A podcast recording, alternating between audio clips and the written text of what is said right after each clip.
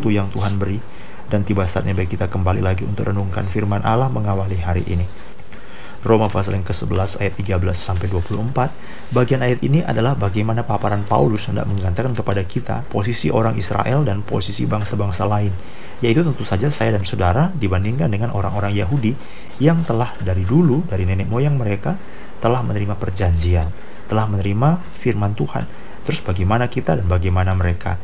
Aku berkata kepadamu, hai bangsa-bangsa bukan Yahudi, justru karena aku adalah rasul untuk bangsa-bangsa bukan Yahudi, aku menganggap hal itu kemuliaan pelayananku.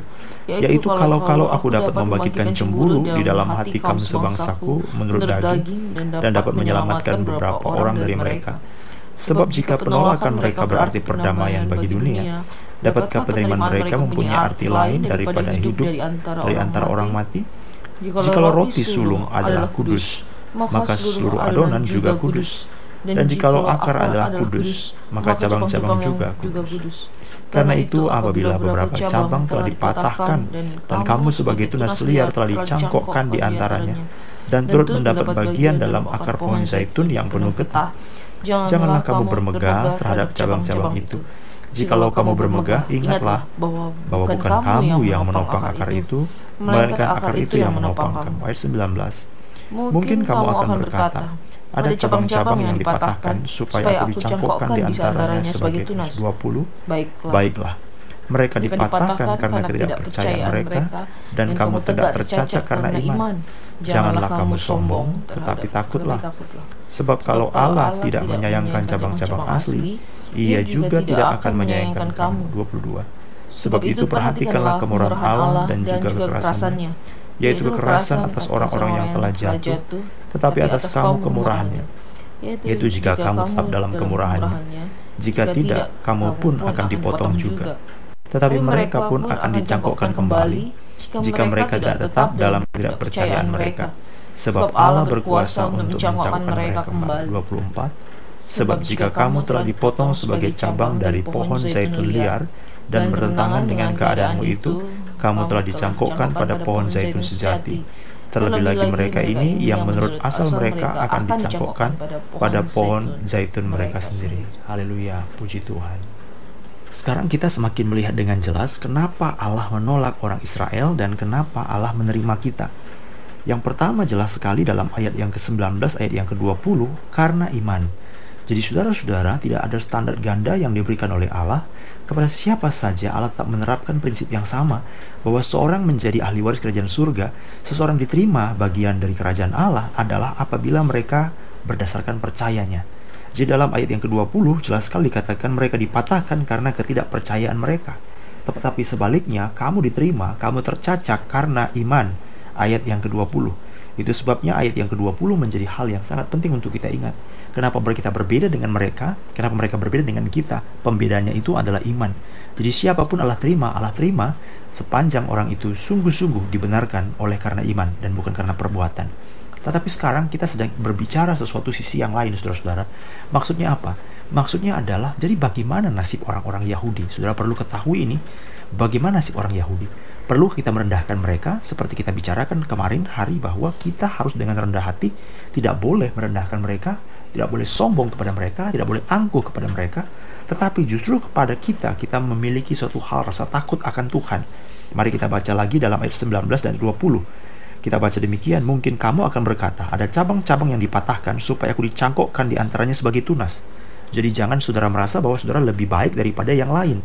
Saudara merasa bahwa saudara lebih unggul daripada yang asli. Tidak, saudara adalah tunas yang liar.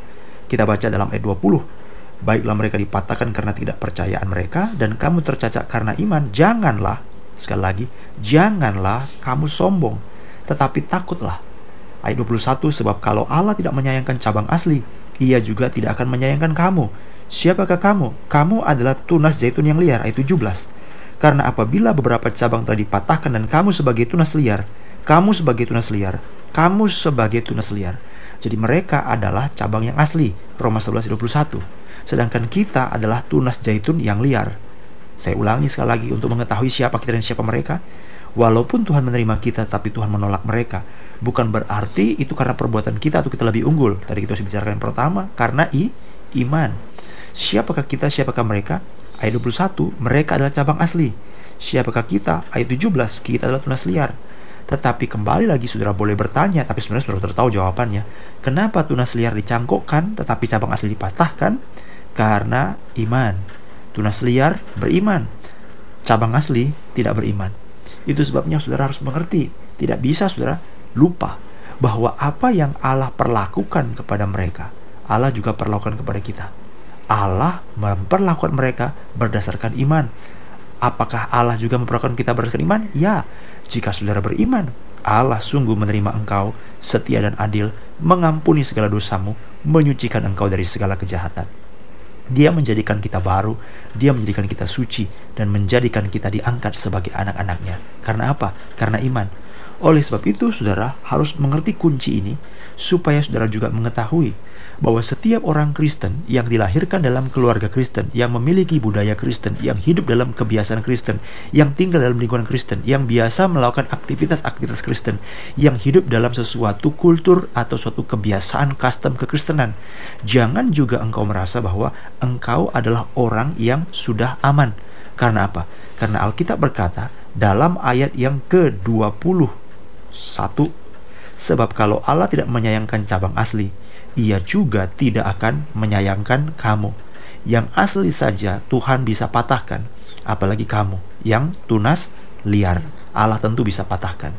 Itu sebabnya saudara-saudara, saya ingin katakan, perjuangan untuk beriman bukanlah hanya perjuangan satu generasi.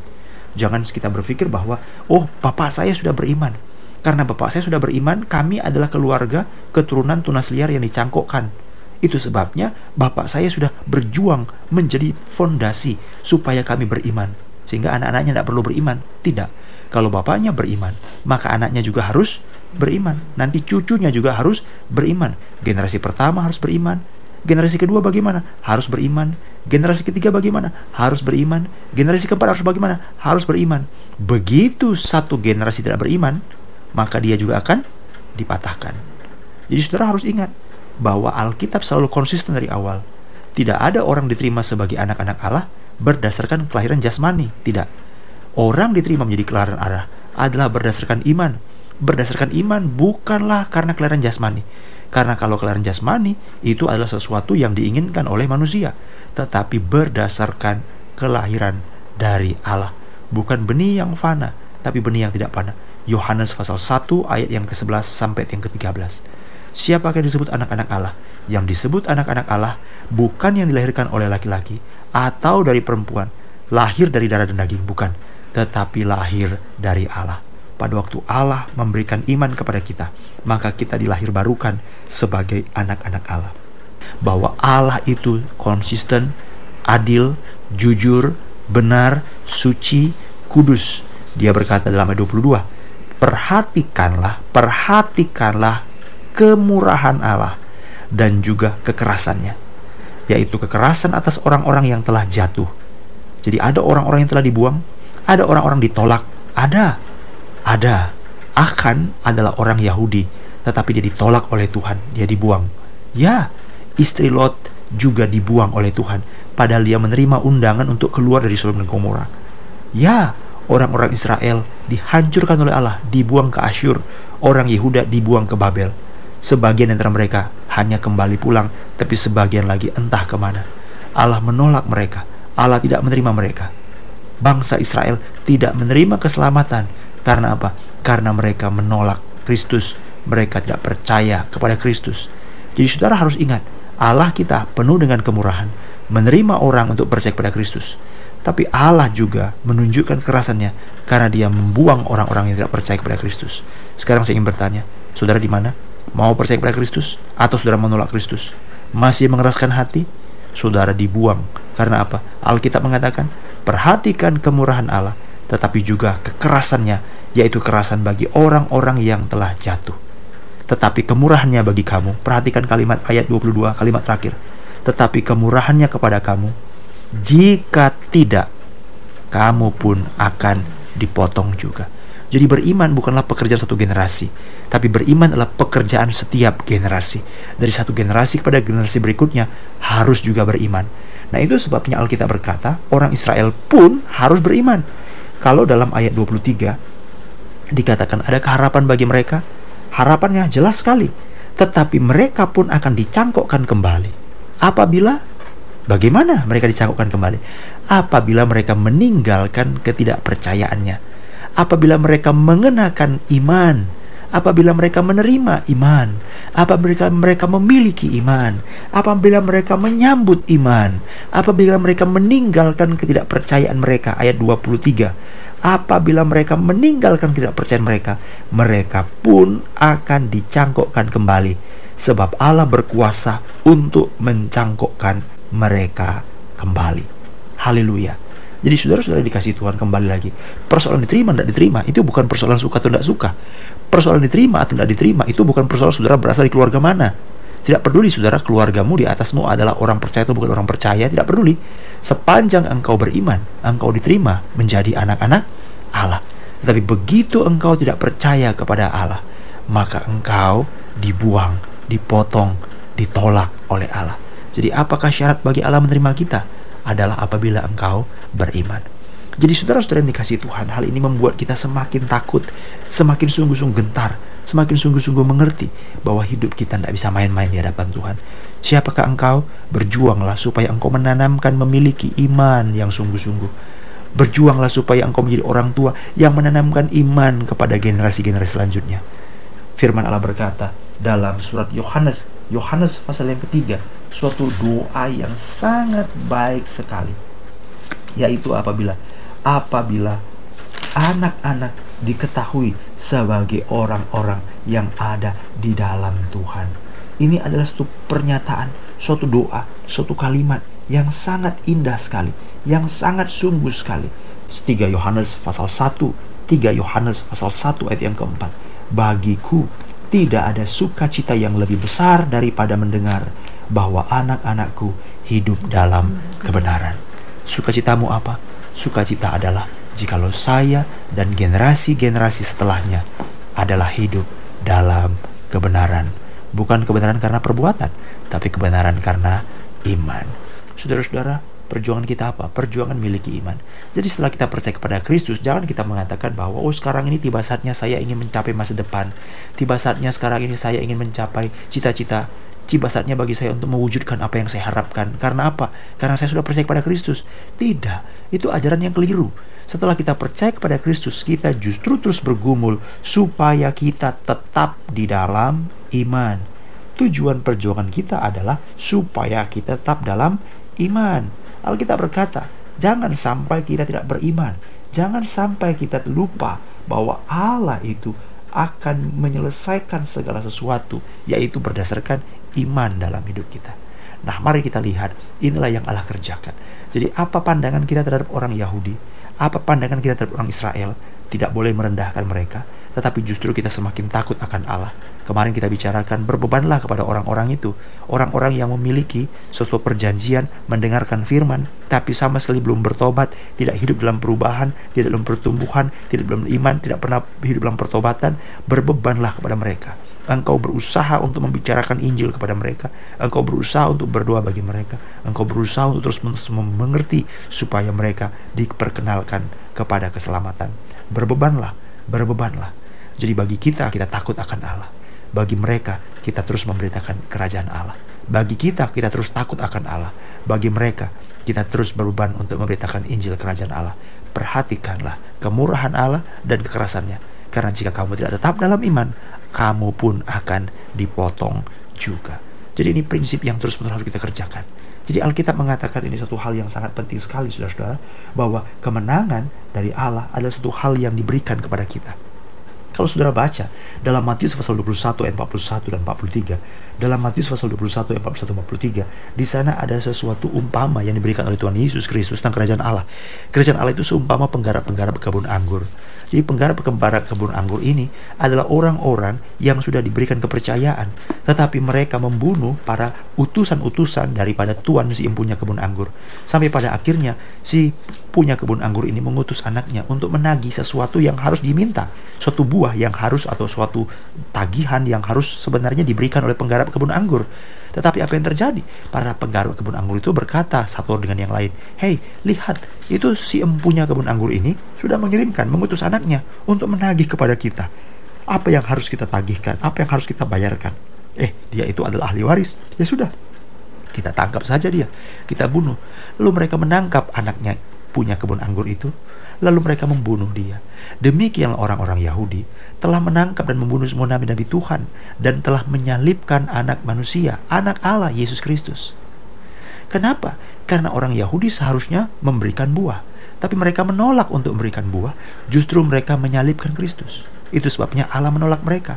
Dan Alkitab mengatakan dalam Matius pasal 21 ayat 43 bahwa penggarap kebun anggur, tuan kebun anggur itu mengambil, dia datang langsung dan mengambil kebun anggur itu lalu menyerahkannya kepada orang lain. Nah, itu yang terjadi dengan kita, saudara-saudara. Allah mengharapkan buah dari orang Yahudi, tetapi mereka menolak untuk memberikan buah. Allah mengharapkan mereka menjadi saluran keselamatan bagi orang lain. Allah mengharapkan mereka menjadi orang beriman, tapi mereka menolak justru mereka menyalibkan Kristus. Itu sebabnya Allah memberikan keselamatan itu, menawarkan keselamatan itu, kebun anggur itu kepada kita. Tapi ingat, hal yang sama terjadi. Kalau mereka ditolak karena iman, engkau pun akan hal yang sama. Jika dalam dirimu tidak ada buah, jika dalam dirimu tidak sungguh-sungguh Allah mengerjakan kegenapan keselamatannya, maka kamu pun akan ditolak juga. Jadi saudara-saudara harus ingat, bahwa hari-hari kita hidup adalah hari-hari di mana kita bergumul, berjuang. Berkatalah kepada Tuhan, Tuhan, sudah 20 tahun aku jadi orang Kristen. Sungguhkah hidupku bertumbuh dalam iman? Tuhan, sudah 30 tahun aku jadi orang Kristen. Dari kecil aku orang Kristen kok Tuhan. Aku lahir dari keluarga Kristen kok Tuhan. Orang tuaku itu Kristen kok Tuhan. Orang tuaku itu pelayanan loh Tuhan. Sintua loh Tuhan, majelis loh Tuhan, pendeta loh Tuhan. Tapi kok hidupku ini seperti ini Tuhan? Apa aku sungguh-sungguh bertumbuh? Apa aku sungguh-sungguh diselamatkan? Engkau pun akan dipotong juga. Saudara-saudara harus ingat, bangsa-bangsa yang menerima melihat langsung dengan mata kepala perbuatan tangan Allah, penyataan diri Allah di gunung Sinai yang sangat besar, kilat sambung menyambung, membebaskan dari tanah Mesir, melepaskan mereka dari tangan Firaun, membukakan jalan yang lebar di Laut Teberau, memberikan mana dan makan roti di surga, mereka pun binasa, dibinasakan oleh Allah. Siapakah kita yang hanya hidup 2000 tahun setelah Kristus Kristus lahir tetapi tidak pernah mengerti siapakah Kristus? Bukan gampang sekali Allah membuang kita? Allah membuang kita. Oleh sebab itu saudara-saudara, kembalilah, kembalilah. Jangan isi pandanganmu dengan apa yang ditawarkan oleh dunia ini. Jangan sibukkan pikiranmu dengan apa yang dibuat oleh dunia ini. Dunia ini akan menciptakan satu atmosfer, akan menciptakan satu sistem supaya pikiranmu hanya tertuju kepada mereka, supaya kamu senantiasa asik dan menggeluti segala sesuatu yang mereka tawarkan, sehingga engkau tidak akan pernah berpikir tentang firman Allah. Itulah yang sekarang sedang diperjuangkan ditawarkan oleh dunia ini dan inilah juga yang diperjuangkan oleh Kristus yaitu apa? Supaya hati dan pikiranmu ditawan untuk mengerti apakah yang Kristus kerjakan sebenarnya bagi kita. Saudara-saudara yang dikasih Tuhan, ingatlah bahwa kita sedang berada pada satu kebahayaan apabila kita tidak sadar, tidak melek akan iman. Kita harus bergumul dengan sungguh-sungguh siapakah kita. Jadi bagi Allah. Orang Israel itu bukanlah urusan kita sebenarnya dalam arti kata bagaimana dengan mereka Tuhan. Tuhan berkata, ingat penolakan mereka adalah keselamatan bagi kamu. Jadi biarlah kamu takut akan Allah. Tetapi ingat, kalau penolakan mereka saja adalah keselamatan, bagaimana kalau penerimaan mereka? Ayat 15. Jika penolakan mereka berarti perdamaian bagi dunia, bagaimana kalau mereka menerima? Tentu lebih dahsyat lagi pekerjaan Allah kita tidak tahu apa yang Tuhan sedang kerjakan. Jadi jangan berpikir sesuatu hal yang buruk, jangan berpikir bahwa engkau lebih unggul daripada orang lain, tetapi kembalilah, takutlah akan Allah. Dalam Yohanes pasal 21, Yesus bertanya kepada Petrus, Petrus, apakah engkau mengasihi aku? Dia berkata, ya Tuhan engkau tahu aku mengasihi engkau. Tetapi jawaban itu tidak memuaskan Yesus karena dia jawab dengan motivasi yang tidak sungguh. Kita percaya itu karena Yesus menanyakan pertanyaan itu lagi, lagi, dan lagi. Sampai Ketika kalinya bertanya kepada Petrus, Petrus, Simon, anak Yohanes, anak Yunus, apakah engkau mengasihi aku? Sampai Petrus menangis dan berkata, Ya Tuhan, aku mengasihi engkau. Wow, itu adalah cerita yang sangat dalam sekali saudara-saudara. Tetapi saya ingin bawa kita sesuatu yang lebih jauh. Di tengah-tengah pertanyaan itu, maka Yesus melihat ada Yohanes, Petrus melihat ada Yohanes.